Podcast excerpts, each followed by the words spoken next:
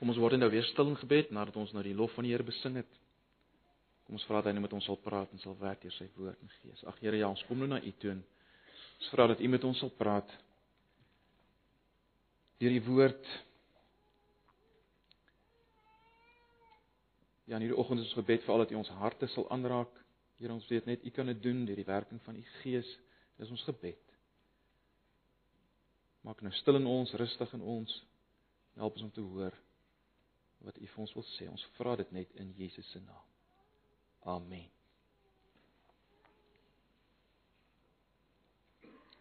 Nou ja, ons is besig met Esegiel. Julle weet, ons is besig met Esegiel. Uh vanoggend wil ek eers met blaai na Esegiel uh, hoofstuk 14. Ek wil maar net weer herinner waarmee ons besig. Uh ons is besig met die boek Esegiel, maar eintlik met 'n tema in Esegiel, né, nee, met met God. Wat sien ons van God in die boek Esegiel? So, is 'n bietjie anders as wat ons uh, reeks oor Hebreërs of Markus was waar ons uh, letterlik deur elke hoofstuk en elke vers amper beweeg het uh, om om die geheel van die boek na die geheel van die boek te kyk. Ons is meer met Esegiel amper tematies besig. Ons kyk na God en wie hy is. Maar in die proses ehm um, leer ons natuurlik baie van Esegiel en hoe Esegiel mekaar sit. Ek wil maar weer sê as as as jy dalk vanoggend vir die eerste keer hier is, uh, is miskien belangrik om die eerste twee series te kry ehm um, oor die boek Esegiel se se agtergrond hy mekaar sit bietjie. Uh, dit gaan jou net help. Ek kan nie elke keer alles herhaal nie. Ook dit wat ek verlede Sondag gesê het, dinge daar is relevant vir vandag, maar uh, mense kan nie alles herhaal nie. So is maar belangrik om om by te bly sover jy kan. Uh, ek hoop die die selgroepe sal ook daarmee help. Goed, Esegiel 14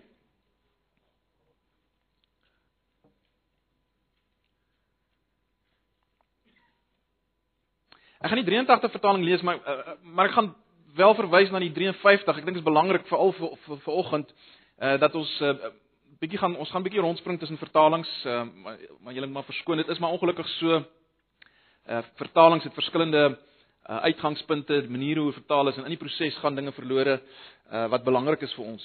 So dis altyd goed om na verskillende vertalings te kyk. So ek gaan begin met die 83, maar ek gaan wel ehm um, die 53 nader trek en later gaan julle sien gaan ons bietjie van die Engelse vertalings ook nader trek want dit is belangrik uh veral vir hierdie gedeelte. Jesaja 14 vanaf vers 1. Daar het van Israel se leiers na my toe gekom en voor my gaan sit. Dis nou Jesaja wat praat. Die woord van die Here het toe tot my gekom. Mens, hierdie manne heg waarde aan afgode. Hulle is so in sonde verval dat hulle net ag gee op hulle afgode. Moet ek my deur hulle laat raadpleeg? Nou hier wil ek net graag die 53 vertaling ook bybring. Dit klink so: Mensekind, dis die letterlike vertaling. Onthou die 83 is meer dinamies ekwivalent, jy wil die gedagte weergee, nie die letterlike woorde nie. Die letterlike een sê: Mensekind, hierdie manne het hulle drekgode in hulle hart opgeneem en die struikelblok tot hulle ongeregtigheid voor hulle aangesig neergesit. Sou ek my dan werklik deur hulle laat raadpleeg. So dwars deur hierdie gedeelte, elke keer waar die 1983 vertaling vertaal met hulle heg waarde aan afgode. Die letterlike vertaling daarvan is hulle hulle drek gode in hulle harte opgeneem. So julle sal dit weet, né? Nee. En oral waar die 83 vertaling vertaal met hulle gee net ag op hierdie gode letterlik hulle sit dit voor hulle aangesig. Goed. So kom ons lees verder vanaf vers 4. Praat met hulle, sê vir hulle, so sê die Here my God, wanneer 'n Israeliet waarde heg aan afgode en so in sonde verval is, is dat hy net ag gee op sy afgode en hy kom na 'n profeet toe, sal ek die Here met hom praat soos dit by sy afgodery pas. Vers 5: Ek sal Israel wat my ter uh, wat my ter wille van hulle afgode verlaat het, my harde hand laat voel. Nou net weer 'n opmerking, die letterlike vertaling sê ek sal hulle in hulle hart gryp. En en ek wil klem nou by die hart en ek is ek is bekommerd dat ons dit gaan mis. Ek gaan hulle in hulle hart gryp sê die Here. Vers 6: Sê vir Israel, so sê die Here my God, bekeer julle. Laat staan julle afgode, hou op met al julle afskuwelike dade. Wanneer 'n Israeliet of vreemdeling wat onder Israel woon van my afvallig word en aan afgode waarde heg en so in sonde verval, is dat hy net ag gee op sy afgode en hy kom na 'n profeet toe om my te raadpleeg, sal ek die Here op my eie wyse met hom praat. Ek sal so 'n man se teenstander wees en van hom 'n voorbeeld te spot maak, hom van my volk afsny, dan sal julle besef dat ek die Here is. En as 'n profeet hom dan laat verlei om iets te sê, is dit ek, die Here wat hom verlei het, maar tog sal ek my hand teen hom uitsteek en hom tussen my volk Israel uitverdelg. Hulle sal die straf op hulle sonde dra, die man wat my raadpleeg en die profeet het ewe skuld. Dan sal Israel nie weer van my af wegdwaal en hulle nie weer verontreinig met hulle opstandige dade nie. Hulle sal my volk wees en ek sal hulle God wees, sê die Here my God. Ons gaan net tot vers 11 lees. Julle kan uit die aard van die saak die hele hoofstuk gaan uh, lees. Um, ek dink die hele hoofstuk is is belangrik, is goed, maar uh, vir vanoggend se studie net die eerste uh, 11 verse.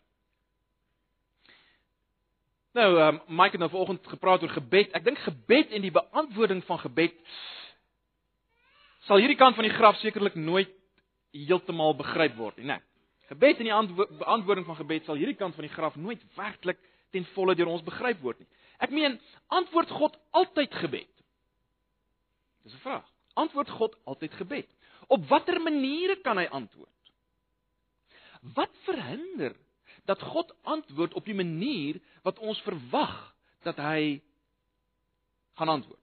Of die manier wat wat ons sou wou gehad het hy moet antwoord? Wat verhinder dit? Nou, ek weet hierdie vrae en vele ander vrae hou Christene al besig deur al die eeue en dit sal ons sekerlik besig hou totdat die Here weer kom.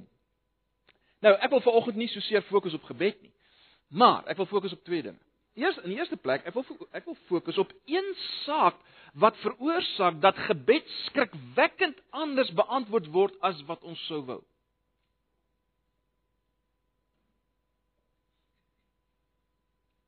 Ek wil fokus op een saak wat veroorsaak dat gebed skrikwekkend anders beantwoord word as wat ons sou wou. Dis die eerste saak wat ons vanoggend na wil kyk. En dan omdat ons besig is met God en wat ons van God sien, wil ek hê ons moet sien wat is die aard van hierdie God? Waarmee ons ook te doen het in gebed. Wat is die aard van hierdie God? So dis die dinge waarna ons wil kyk aan die hand van hierdie gedeelte in Esegiel. Wat het dit alles te maak met hoofstuk 14 van Esegiel? Wel, in hoofstuk 14 vers 1 sal jy sien dat die leiers van die volk of letterlik die oudstes soos die 53 vertaling dit het, gaan sit voor Esegiel. Nou ons moet verstaan dat die leiers hier is nou 'n ander klomp ouens as waarvan ons verlede Sondag gepraat het. Verlede Sondag was ons as te ware in Jerusalem. Uh, Esegiel is geneem na Jerusalem, na die na die tempel en en uh, die leiers daar was uh, ter sprake in verlede Sondag se boodskap. Nou gaan dit oor die leiers in Babylon, in ballingskap. Hulle kom sit voor Esegiel. Die vraag is, waarom kom sit hulle hier voor Esegiel? Wel vir een rede. Hulle wil 'n antwoord van die Here kry. Ons moet nou onthou, uh julle sal weet ons daaroor gepraat in die in die eerste boodskappe. Esegiel was 'n priester profeet. Hy was die die priester profeet in hulle midde. Met ander woorde, God praat deur hom met hulle. So as hulle na Esegiel kom en voor hom kom sit, kom hulle inderwaarheid eintlik voor God sit, né? Nee. Hulle wil van God 'n antwoord kry. Nou, ons weet nie presies wat hulle wou weet nie. Maar verseker het dit te maak gehad met hulle situasie waarin hulle is. Hulle wou geweet het ten minste wat gaan nou gebeur? Ons is nou in ballingskap. Hoekom het dit gebeur? Waarom is ons hier? Hoe lank gaan dit duur? Hoe lank gaan dit duur? Dit was verseker van hulle vrae. So wat ons moet sien is dat hierdie ouens, hierdie oudstes, die leiers en weer eens hulle verteenwoordig die volk. Uh, hulle staan as te ware in vir die volk, né? Nee, hierdie mense kom na God toe. Ons moet dit raak sien. Hulle kom wel na God toe, na Jahwe, die verbondsgod. Hulle God. Hulle kom na hom toe.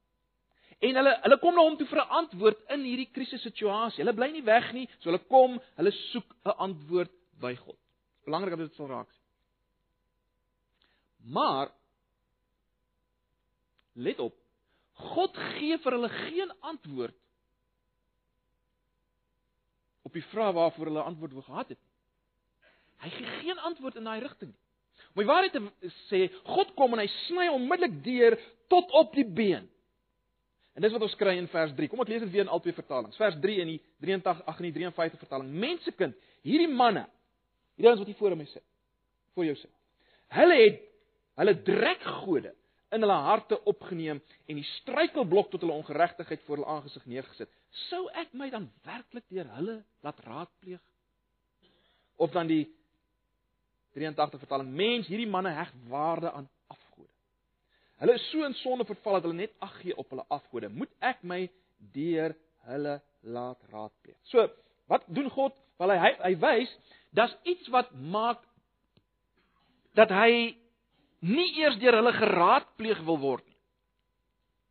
Wat nog te sê vir hulle antwoord wil gee op hulle vrae. Hy wil nie eers deur hulle geraadpleeg word nie. Dit is iets wat veroorsaak dat hy nie deur hulle geraadpleeg wil word. Nou, in vers 3 tot 8 maak God dit baie duidelik waarom hy nie deur hulle geraadpleeg wil word nie. Julle onthou vir verlede Sondag het ons gesien dat die probleem van die uh leiers in Jerusalem en daarom ook die mense wat agtergebly het daar, hulle probleem was nie net die feit en dan spesifiek die leiers, hulle probleem was nie net die feit dat hulle slegte leiding gegee het en en en en slegte dinge gedoen het nie.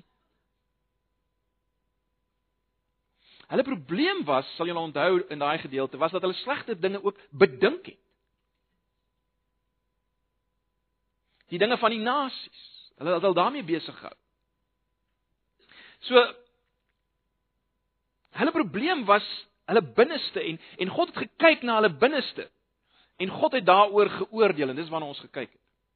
Nou in hierdie gedeelte vanoggend sien ons dat hierdie ouens in ballingskap het ook wat ons kan noem 'n hartsprobleem. Baie belangrik. Maar hier word die hartsprobleem verbind met afgodery en en dis hoekom ek eh, die 53 vertaling, die meer letterlike vertaling uh aangehaal het want daar sien ons dit baie meer duidelik, né? Nee. Die 83 vertaling praat van hulle heg waarde aan hulle afgode. Uh die letterlike vertaling sê hulle het hierdie gode, hierdie uh, afgode, het hulle in hulle harte opgeneem. En dis vir my belangrik dat ons dit raak sien. Nou, natuurlik die afgode in hulle tyd was Baal en die afgod Ashera en dan die wat hulle mee te doen gekry het in Babylon, Marduk en ook van die Egiptiese gode, onthou hulle het 'n verdra met Egipte gehad. So dit was die afgode, maar baie belangrik wat ons raak sien in hierdie gedeelte, let op, hierdie afgode was nie net iets waarvan hulle geweet het nie. Dit was ook nie net klein uh beeldjies wat iewers daar in hulle huis weggesteek was, uh maar net daai een kant nie. Uh die Here maak dit baie duidelik in vers 3 dat Hulle het hierdie afgode, die letterlike vertaling, voor hulle aangesig neergesit. Soos die 83 vertaling dit stel, hulle heg of hulle gee net ag op hulle afgode. Hulle sit dit voor hulle aangesig. Met ander woorde, hulle gee net ag op hulle afgode. So wat is die gedagte? Wel, dit beteken hierdie ouens het konstant gedink aan hierdie afgode, konstant aandag gegee aan hulle. Hulle het konstant gedink oor hierdie afgode, let wel waarvan hulle gedink het, hierdie gode kan hulle gelukkig maak, hierdie gode kan hulle betekenis gee. Dis wat ons hier kry. Dis die probleem. Nou, net voor ons miskien te vinnige uitspraak maak oor die volk, ek dink nie ons kan werklik vir 'n oomblik onsself indink watter pyn en onsekerheid en angs hierdie mense deurgegaan het in ballingskap. Onthou, ten diepste het dit gelyk asof God hulle verlaat het wat met hulle gebeur het, het ingedryf teen teen hulle absolute verwagting. Hulle is in ballingskap. Hulle God se uitverkore volk onder al die nasies sit in Babelonie, die sentrum van afgodsdiens. Dis waar hulle sit. So, waar is God? So dis die krisis waarmee hulle gesit het. En en wat toe gebeur het is dat om hierdie hierdie as te ware hierdie pyn te stil en om vertroosting te kry, uh en betekenis te kry, wend hulle self na afgode. Met ander woorde, as Jahwe nie vir ons deurkom nie, dalk sal Marduk, dalk Ashera, né? Nee. So dis wat hier gebeur het. Maar die maar die punt is jy kan nie die God van die heelal en 'n ander god dien nie. Né? Nee. Die die dien van 'n ander god beteken per definisie dat jy Jahwe, die ware God verlaat, vers 5. Vers 5. Verlaat. God sien dit so. Dis hoe God dit sien. Die ware God dit sien. Hy sien dit dat hulle hom verlaat. Dis nie maar net dat hulle het die ander afgoetjies bygetrek nie. God sien dit, hulle het hom verlaat. Dis hoe hy dit sien. Dis hoe hy die saak sien. En dit het natuurlik gevolge. So as gevolg daarvan antwoord God hulle wel. Maar sy antwoord is totaal anders as wat hulle verwag het, né? Nee. Jy sal kry daar in vers 7 se einde. God sê hy gaan hierdie ouens wat besig is met hartsafgodery, hy gaan hulle antwoord. Maar let wel, hy gaan hulle totaal anders antwoord as wat hulle sou verwag het hy moet antwoord. Hy gaan hulle nie antwoord deur Esegiel nie. Hoe gaan hy hulle antwoord? Hy gaan hulle antwoord deur dit wat met hulle gaan gebeur. Dis hoe God hulle gaan antwoord. Hy gaan hulle antwoord met met dit of deur dit wat met hulle gaan gebeur. En dis wat ons kry in vers 8 en 9, né? Nee, in vers 8 en 9 sien ons hoe hoe lyk hierdie antwoord nou? Hy sê ek sal dis die letterlike vertaling.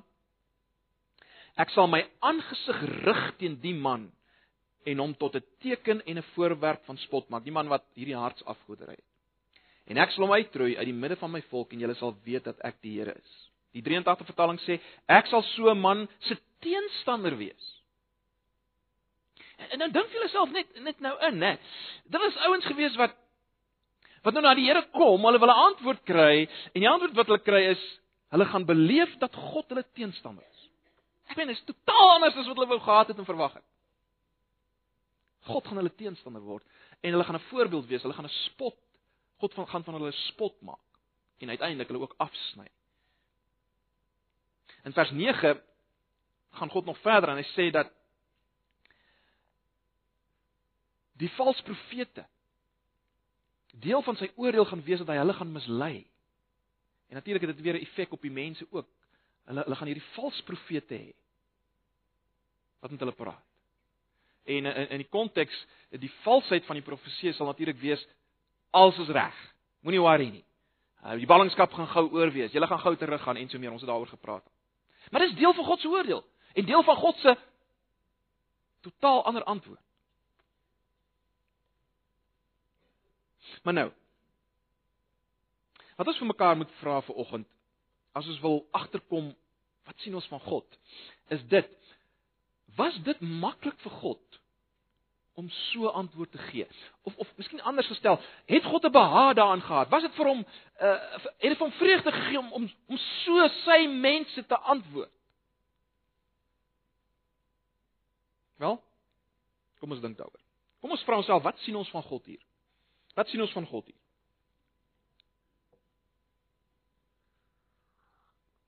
Onthou ons is besig om te fokus op God en wat ons van God sien in Esegiel. Verlede Sondag het ons gesien God is die een wat regverdig oordeel en ons het ook gesien hy is radikaal anders in sy oordeel en in sy genade.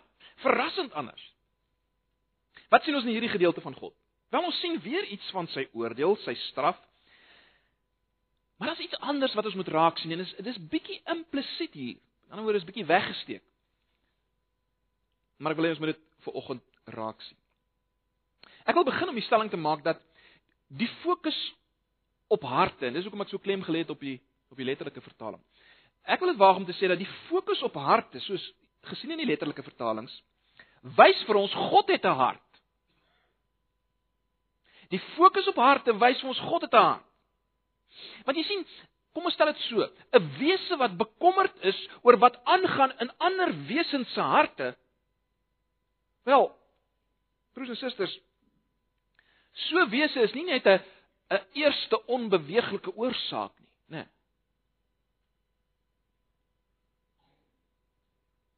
soort van 'n kosmiese rekenaar nie. So wese het 'n hart. Met ander woorde wat ek probeer sê is dit vat 'n persoonlike wese met 'n hart om ander persoonlike wesens met harte se harte raak te sien en bekommerd te wees daaroor. En ek dink daar's aanduidings in hierdie gedeelte van hierdie feit. Ons verwys na vers 5 waar God sê dat hulle hom verlaat het. Dis die 83 vertaling. Die 53 vertaling sê hulle het hom hulle het hulle self afgewend van hom. Die English Standard Version lees so.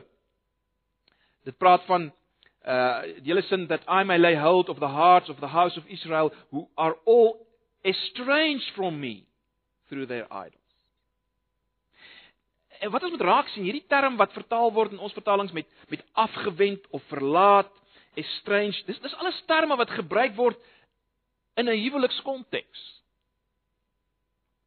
Ons weet nou al God staan en dis baie belangrik. God staan in 'n verbondsverhouding met die volk wat eintlik niks anders is as 'n huweliksverhouding nie.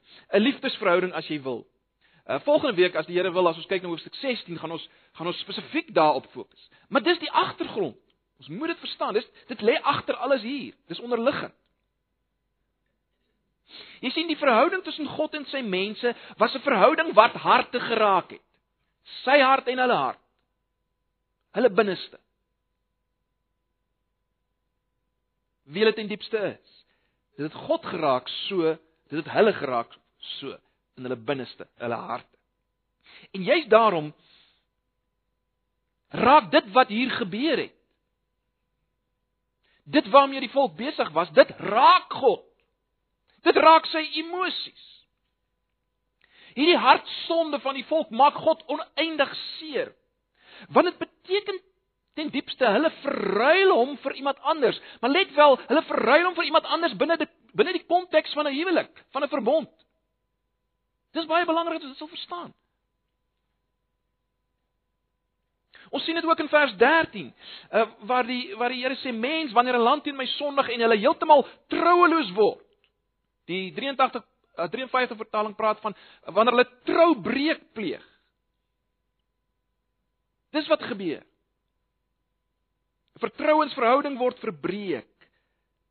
Dis wat gebeur met afgoderry, met hartsafgoderry. Daar's nog 'n vers in Jesegiel wat dit nog duideliker wys en dit is Jesegiel 6 vers 9. Jesegiel 6 vers 9.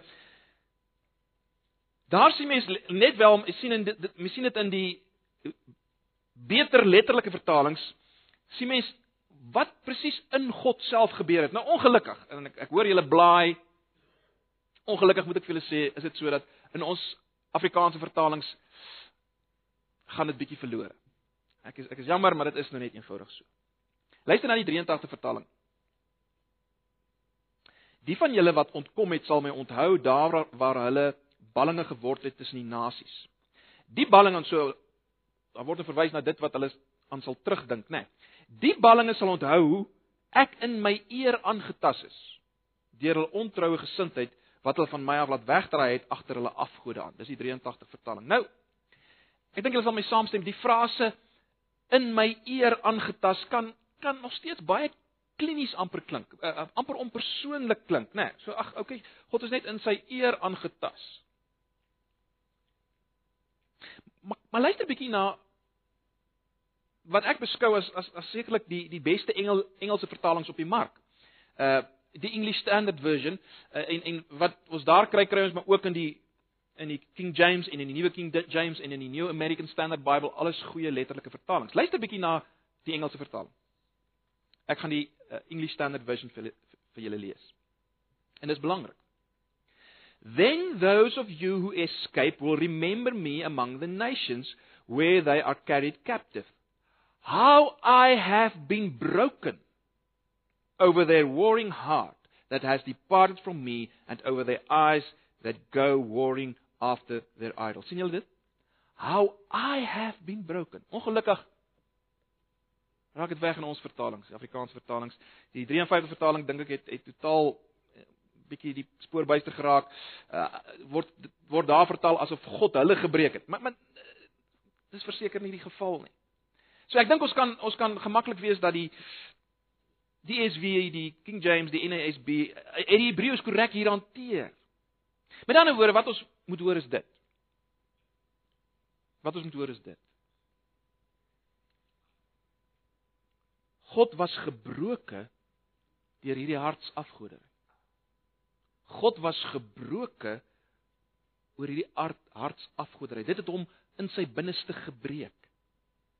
En dit is baie duidelik soos ek sê uit Jesegiel 6 vers 9 uit in die letterlike vertalings. En ons sien dit natuurlik in 'n boek soos Hosea. Julle sal weet die boek Hosea gaan veral oor hierdie huweliksverhouding wat God met die volk het. En eh, dit gaan oor die feit daar spesifiek dat die volk het egbreek gepleeg, die God, die volk hoereer besig met ander bemindes. Esegiel is vol ag uh, Hosea is vol daarvan dan dan kry ons byvoorbeeld in hoofstuk 11 vers 8 'n kykie na God se binneste. As God sê, "Hoe kan ek jou oorgee o Efraim, jou prys gee o Israel? Hoe kan ek jou maak soos Atma, jou gelykstel met Seboim? My hart is omgekeer in my. Te gelykertyd is my medelee opgewek. My hart is omgekeer in my." Dis hoe dit dit hoe ons dit kry in Hosea. Met ander woorde, ek ek dink ons moet dit raak sien. Ons moet dit raak sien. God se emosies word geraak. En nou, ek dink die oproep tot bekering bevestig dit. Ek dink die oproep tot bekering bevestig dat dit God raak, dat hy nie 'n behaag het daarin om hulle te straf nie. Dat dit vir hom moeilik is, swaar is, dat hierdie hartsafgodery hom raak. Hoekom sê ek bekering bevestig dit? Wel, omrede bekering het te maak met 'n verandering van gesindheid, van hart, van jou binneste, wat jy dink. Né? Nee. Dit lê aan die hart van bekering. Jy sien God wil hê daar moet 'n terugkeer na hom wees vanuit die binneste. En daarom sê ek die die oproep tot bekering bevestig dat dit God raak. Jy sien bekering is nie 'n kliniese ritueel nie en ek gaan net nou veel meer daaroor sê. Bekering is nie 'n kliniese ritueel nie. Bekering is ten diepste 'n terugkeer na jou beminde. Bekering is nie 'n terugkeer na 'n 'n eerste oorsaak van alles nie. 'n Rekenaar, 'n kosmiese rekenaar nie.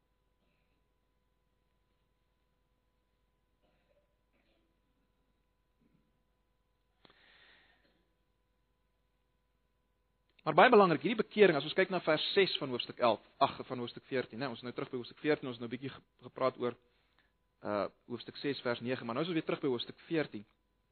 In vers 6 sien ons dat dit 'n terugkeer, 'n terugkeer na God, 'n bekering na God, moet hand aan hand gaan met 'n wegdraai van die afgode. sien julle dit? 'n Wegdraai van hierdie ander bemindes. Jy sien, ek sê dit weer, jy kan nie na God kom verhoudings gesproke sonder om weg te beweeg na van die ander bemindes nie. Ek meen dit is tog net logies.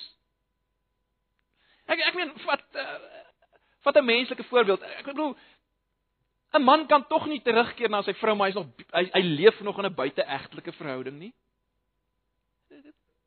Maak geen sin nie. Dis dieselfde met God. Dis dieselfde met God. En baie belangrik onthou God se einddoel met alles wat ons kry in vers 11. Heel laaste gedeelte van vers 11. Hulle sal my volk wees en ek sal hulle God wees, sê die Here my God. Dis wanneer toe God wil. Dis God se einddoel met alles. Hulle sal my volk wees en ek sal hulle God wees. Broers en susters, dis wat ons kry in die tuin van Eden. Ek het al baie daaroor gepraat. Dis die verhouding in die tuin van Eden. Ek sal julle God wees. Hier's alles wat ek vir julle gee, die tuin en alles. Man, hier's vir jou vrou. Vrou, hier's vir jou man. Hier's alles wat julle wil hê. Ek wil vir julle God wees. Julle moet my mense wees. Moenie eet van die boom in die middel nie ensovoorts. En dis dwars deur die Bybel. En dit die, Bybel eindig so in Openbaring 21 vers 3. Heel aan die einde. Nou sal hulle my volk wees en ek sal hulle God wees. Dis God se einddoel. Jy sien dis waar dit gaan in die verhouding met God. Dis 'n liefdesverhouding, dis 'n huweliksverhouding. En daarom raak hartsafgoderry God. Daarom veroorsaak dit hartseer in hom.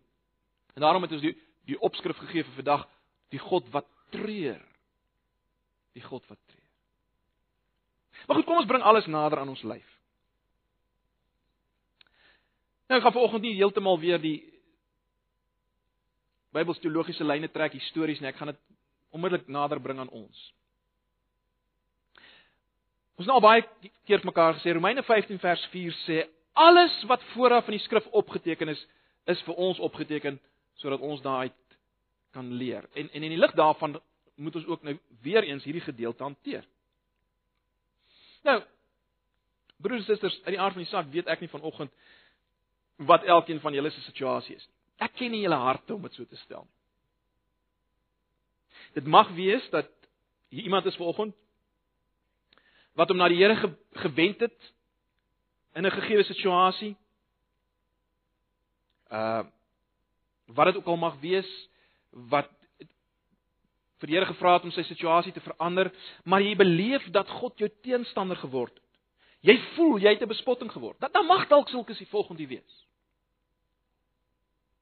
Die vraag is hoe moet ons daaroor dink? Dalk is hier niemand vanoggend wat so iets beleef of beleef het nie, maar dit mag dalk wees dat ons op 'n stadium dit gaan beleef. Die vraag is dan hoe moet ons daaroor dink? Wat moet ons daaroor sê? Juist as ons God nou as ons onsself na God wend in gebed en ons beleef eintlik hy hy word ons teenstander. Hoe moet ons daaroor dink? Wel, kom ons kom ons probeer 'n paar gedagtes met mekaar deel. In die eerste plek dink ek tog dat ons ver oggend in die lig van Jesegiel 14 moet weet dat dit moontlik is. Dis moontlik om besig te wees met hartsafgodery en steeds na God te kom in 'n tyd van krisis. Sê dit weer. Dis wees dis is moontlik om besig te wees met hartsafgodery en jou steeds na God te wend in gebed, veral in tye van krisis. God moet nou inspring, God moet nou help. God moet nou antwoord. Dis moontlik.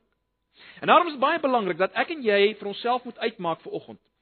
Baie belangrik, ons moet vir ons die volgende uitmaak. Wat bedink of vertrou ek in my hart? Wat bedink of vertrou ek in my hart? En Wat begeer of aanbid ek in my hart? En dis 'n vraag wat net jy vir jouself kan antwoord.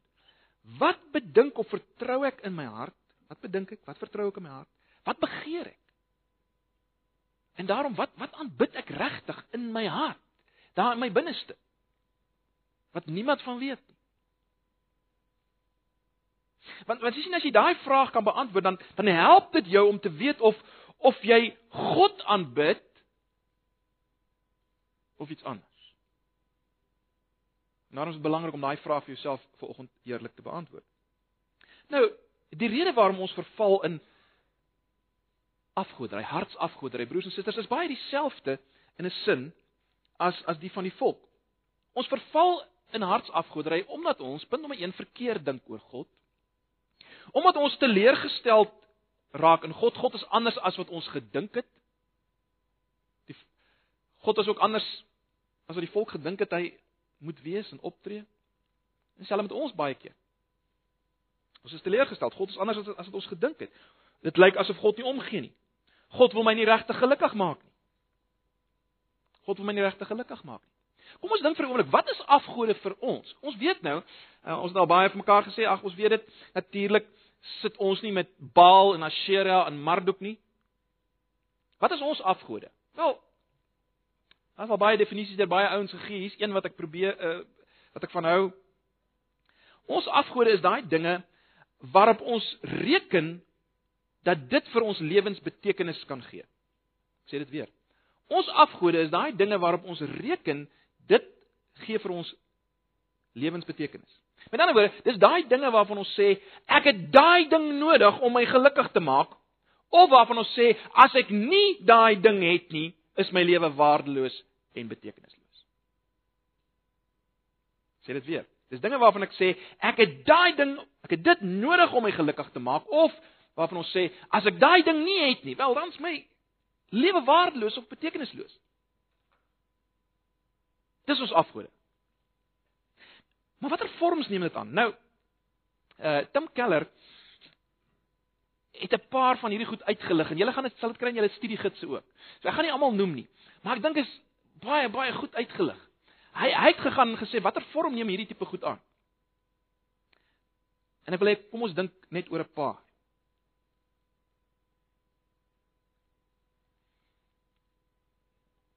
Dit kan wees dat jy vanoggend hier sit en jy kan voel my lewe het net betekenis. Ek is net iets werd as ek krag en invloed oor ander mense kan uitoefen. My lewe het net betekenis. Ek is net iets werd as ek krag en invloed oor ander kan uitoefen. Nou dis hartsafgodery. Dis die afgod van mag wat jy aanbid. Jy mag dalk vanoggend voel my lewe het net betekenis en ek is net iets werd as ek gerespekteer word en as ek liefgehê word. Wel, dis hartsafgodery. Dis die afgod van goedkeuring, sê Keller. Dis die afgod van goedkeuring. Dalk as jy vanoggend hier is iemand wat sê, "Wel, ek voel my lewe het net betekenis. Ek is net iets werd as ek hoogs produktief is en ek kry iets gedoen." Weet jy wat? Werk is jou hartsafgod. Werk is jou hartsafgod. Jy kan dalk voel my lewe net betekenis, ek is net iets werd as ek beheer het oor elke aspek van my lewe en as ek selfs beheer het oor ander mense en wat hulle doen. Dis afgod. Beheer is jou afgod. Of jy kan voel my lewe het net betekenis. Ek is net iets werd as ek erken word vir wat ek bereik, as ek uitstaan in my werk. Prestasie mag dalk jou afgod wees. Of jy kan voel my lewe het net betekenis. Ek is net iets werd as ek as ek goed lyk. Daarom sit ek al my tyd en al my aandag in in my voorkoms. My klere dra en my voorkoms. Broers en susters, dit kan 'n afgod raak. In die tyd waarin ons leef, is dit 'n geweldige afgod.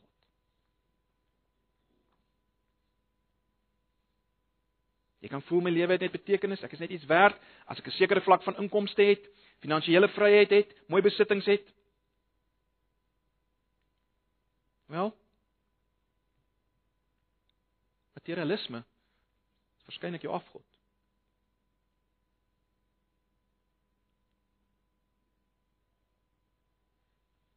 Een wat daarmee saamgaan is as jy as jy voel ek is net ek het net betekenis, ek is my lewe het net betekenis, ek is net iets werd as ek plesier het en ek kwaliteit lewe het. Wel dit gaan hand aan hand met hierdie eerste met hierdie een wat ek nou genoem het, nê, nee, maar dis gemaksig, gemaksig wat dalk jou afgod is. Maar as 'n laaste ene wat ons maklik kan mis. Jy kan voel my lewe het net betekenis en ek is net iets werd as ek sekere godsdienstige dinge doen. Aan die ander woord as ek soveel as moontlik geestelike byeenkomste by bybring, Bybelstudies, bidure, seminare, kursusse. Wie wat kan jou afgod wees? Godsdiens. Godsdiens kan 'n afgod word. Godsdiens kan 'n afgod word. Ag broers en susters, daar's daar's nog van hierdie dinge wat mense sou kon uitlig, maar julle moet maar self daaroor gaan praat in julle groepe. Wat moet ek en jy doen as ons agterkom dat van hierdie afgode is in my lewe? Dit het hartsafgodery geword. Wat moet ek doen? Wel, eerstens dink ek broers en susters, moet ons begin anders dink oor God, né? Nee, dis baie belangrik as ons daar begin. Ons moet verstaan en baie baie mense verstaan dit nie. God beloof verseker om in ons behoeftes te voorsien. Let op, om ons in ons behoeftes te voorsien, maar ons kan nie verwag dat hy ons selfsugtige begeertes gaan bevredig nie. God is nie 'n 'n kosmiese waiter, broers en susters, wat wat gereed is om vir ons alles te bring wat ons wil hê nie. Ek ek sê dit weer, ek het al baie gesê, God is nie daar vir ons nie. Ons is daar vir God. Om hom groot te maak. Om hom op te lig. Kom ek stel dit anders. God is nie die sleutel tot 'n goeie lewe nie. Hy is nie. Hy is nie die sleutel tot 'n goeie lewe nie. God is nie die sleutel tot die lewende water nie. God is die lewende water. Ag in Jeremia 2 word dit so mooi uitgelig as God sê: "Julle het vir julle gebakte reënbakke uitgekap wat nie kan water hou nie, en julle het my die bron van lewende water verlaat." God self is die bron van lewende water. Hy wil hê ons moet homself aanbid, nie dit wat hy vir ons kan gee nie. Jy sien ons raak teleurgesteld met hom as hy nie vir ons gee wat ons wil hê nie. Ons verstaan van God is verkeerd. En daarom vind ons ook nie vervulling en werklike vreugde nie, want Ons vind hom nie self nie. So dis die eerste ding, ons moet anders dink oor God. 'n Tweede ding wat wat ek wat ek dink belangrik is is dat ons moet dankbaar wees vir ons omstandighede, wat dit ook al mag wees. Hoe sleg dit ook al mag voel. Want jy sien dis juis God se genade en God se liefde dat hy jou in sekere omstandighede bring juis om jou hartsafgoderry te openbaar. Ons het nou die volgende tyd nie, maar gaan lees Deuteronomium 8. En sien hoe God dit doen. Met ander woorde ons moet sien God het juis jou so lief dat hy vir jou meer wil gee as al jou afgode Daarom is jy dalk in omstandighede waar waar jy nie van hou nie. 'n Volgende ding en dis uiters belangrik en dit hang saam met dit wat ons gesien het vanoggend. Bedink wat God in Jesus vir jou gedoen het. Met ander woorde, bedink sy liefde. En bedink teenoor dit, wat sê jou hartsafgodery? Wat doen jou hartsafgodery aan God? Kom ek stel dit anders. Kyk na die kruis en sien wat het jou hartsafgodery God gekos? Sien hoe God gebreek is. Fisies gebreek is, God die seun aan die kruis. Wat het hom gebreek? Wel jou hartsafgodery. Dis waarvoor hy gesterf het. So jy moet dit raak sien. Daar sien jy hoe dit God geraak het en nou baie belangrik, in die lig daarvan moet jy bekeer. In die lig daarvan moet jy bekeer. Draai weg van jou afgode, draai na hom. Met ander woorde, wat ons moet raak sien broers en susters, bekering is absoluut belangrik ook vir ons as Christene. Dit was belangrik vir die volk in die Ou Testament, dit is steeds belangrik. En let wel, selfs in die Ou Testament wou God nie net gehad het daar moes 'n uiterlike, blote, godsdienstige, meganiese bekering wees nie. Ons het dit nou raak gesien. Hulle moes kom uit liefde vir hom. En volgende week sal ons meer daaroor praat. Hoeveel te meer nou dat ons kom in die Nuwe Testamentiese tyd? Hoeveel te meer? Ek meen ons het die liefde van God sigbaar gesien in dit wat gedoen is in Jesus. Ons weet wat dit hom gekos het. Ons weet hoe hy gebreek is deur ons sonde, ons afgoderry. En daarom het bekering 'n ander dimensie in die Nuwe Testament. 'n Geweldige belangrike dimensie. Ek dink dit is belangrik om om om te onderskei, ook in die dag waarin ons leef, om te onderskei tussen tussen wat ons kan noem evangeliese bekering en wat ons kan noem blote godsdienstige bekering. Met ander woorde, die bekering van 'n Christen en die bekering wat ouens van ander godsdienste en selfs nie gelowiges ook doen nie. Ons moet dit onderskei, daar's 'n verskil. Daar's 'n verskil.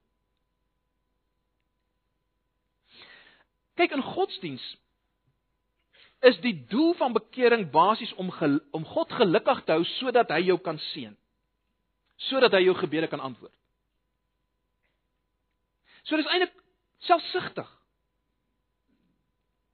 Dis selfgerig. En en is dis eintlik 'n slegte belewing. In die evangelie, met ander woorde as ons praat van die evangelie, praat ons van die goeie nuus wat te maak het met dit wat God vir ons gedoen het in Jesus, né? Nee. In die evangelie is die hele doel van bekering om ons weer te koppel aan Jesus, om weer hierdie huwelik te herstel met Jesus. Met God die Seun. Dis die hele doel van bekering in die Nuwe Testament. Nie net dat God my sal seën nie. Dis baie belangrik, sien as 'n verskil. In godsdienstige bekering is ek net bekommerd oor my sonde as gevolg van die konsekwensies wat dit vir my inhou. My sonde het konsekwensies. Uh, uh dit dit gaan vir my straf inhou, so ek wil dit vermy, dan bekeer ek. Maar binne die evangelie raamwerk broers en susters is dit heeltemal anders, is dit nie? Ons weet dat sonde my nie meer kan verdoem nie, want Jesus is verdoem my plek, Romeine 8 vers 1.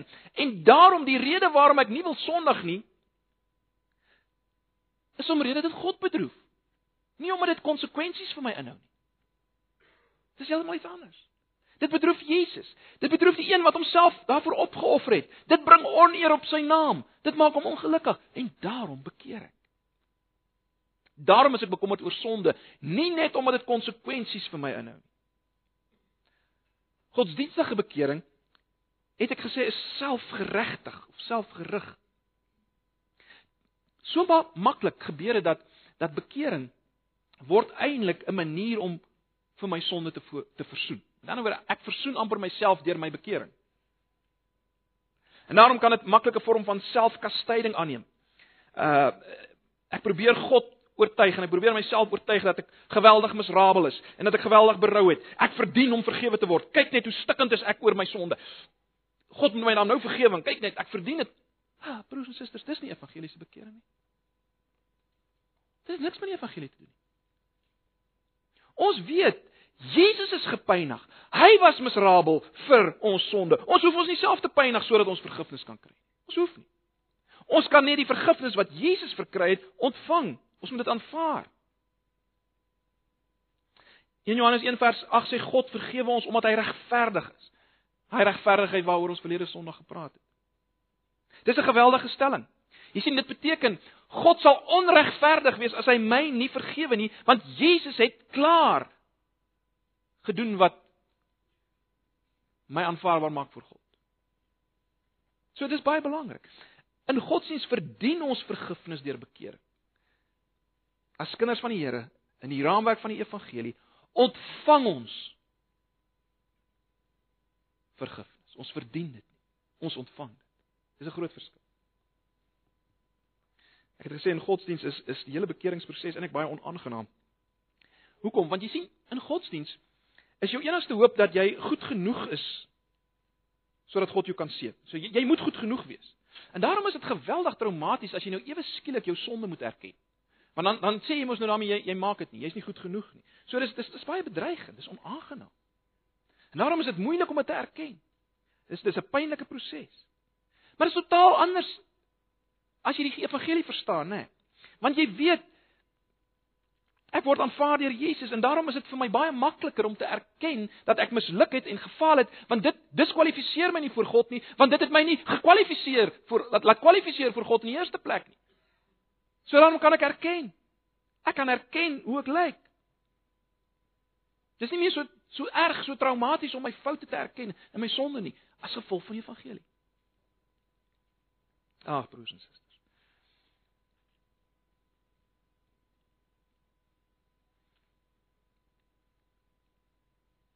As mens nog 'n 'n godsdienstbegrip het van bekering, dan bekeer jy nie baie nie. Dit is nie baie gereeld nie. Maar hoe meer jy werklike bekering begin verstaan binne die raamwerk van die evangelie, hoe meer kan jy bekeer. Natuurlik is daar altyd daar is altyd iets iets ergs aan, iets slegs aan, maar daar's ook iets geweldig bevredigend en soet en vertroostend aan aan bekering en dit skep 'n dinamika van groei. Dit bring 'n diepte in verhouding met God as ek as ek op hierdie pad van bekering loop. En dis die lewe van Christen wees. Dis die lewe van Christen wees. En jy sien hoe hou dit alles nou verband met wat ons gesien het in die Segeel. As ek begin sien wat het dit God gekos en ek verstaan dit, dan wil ek bekeer. As ek as ek verstaan wat my verhouding met God is en kan wees, 'n huweliksverhouding, 'n verhouding van intieme verhouding met hom, dan dan raak hierdie bekering totaal iets anders. Raak dit totaal iets anders. Ag, ek sluit af.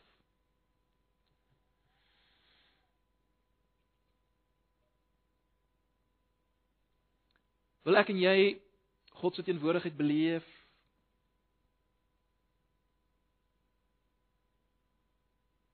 Beleef dat God is vir my, saam met my, dra my deur, hoor my. Wel begin om te sien wie hy is en hoe hy geraak word deur jou hartsafgoderry en bekeer daarvan. Bekeer daarvan. Kom terug na hom toe. Breek met hierdie jy het vanoggend dalk begin agterkom wat is in jou hart. Ek vertrou so. Breek daarmee. Kom sê dit vir die Here. Bring bring dit in onder woorde. Sê dit vir hom en kyk na hom en wat het jy gedoen? Kom terug na hom. Ag broers en susters, dis my gebed dat dat ons 'n gemeente sal wees van bekering. Sal terugkeer na God en sal afdraai van die hartsafgode.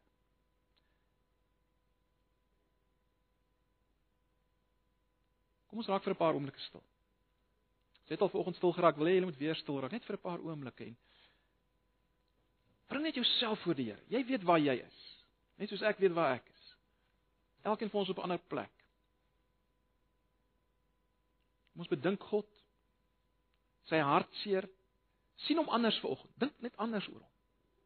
Dink net totaal anders oor hom. Dink aan hom as as die beminde vir wie jy seer gemaak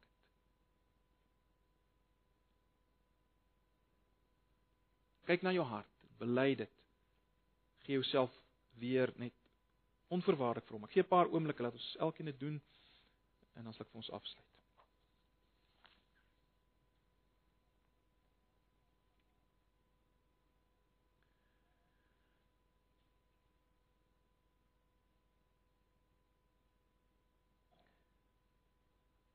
Ag Here, in hierdie oggend wil ons maar net vir U kom sê dat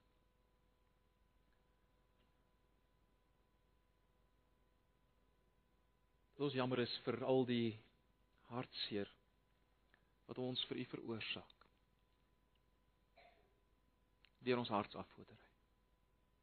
Ons as gemeente as individue. Ag Here, baie dankie dat ons ver oggend nie onsself hoef aanvaarbaar te maak vir U deur ons bekering nie, maar dat ons dit kan ontvang, Here Jesus, as gevolg van dit wat U vir ons gedoen het.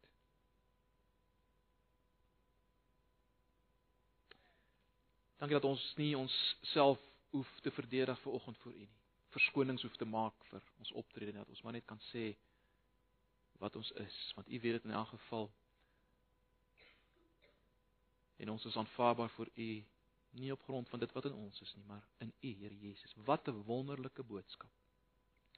Wat 'n wonderlike bevryding bring dit. Ek bid vir elkeen wat vanoggend hier is. Eh, Here, U ken elkeen se hart. U weet waar elkeen staan. Ken my eie hart. U weet hoe bedrieglik ons hart is. Bedrieglik bo alle dinge. Ons verstaan nie eers ons eie harte nie, Here, maar U ken dit. En ons wil dit maar net vir U kom gee in hierdie oggend vergewe ons, reinig ons op grond van wat U vir ons gedoen het in Jesus. En dankie vir die belofte van nuwe harte, harte van vleis, waarna ons verlede Sondag gekyk het. Ag Here. Ons kom pleit U daarvoor in Jesus se naam. Amen.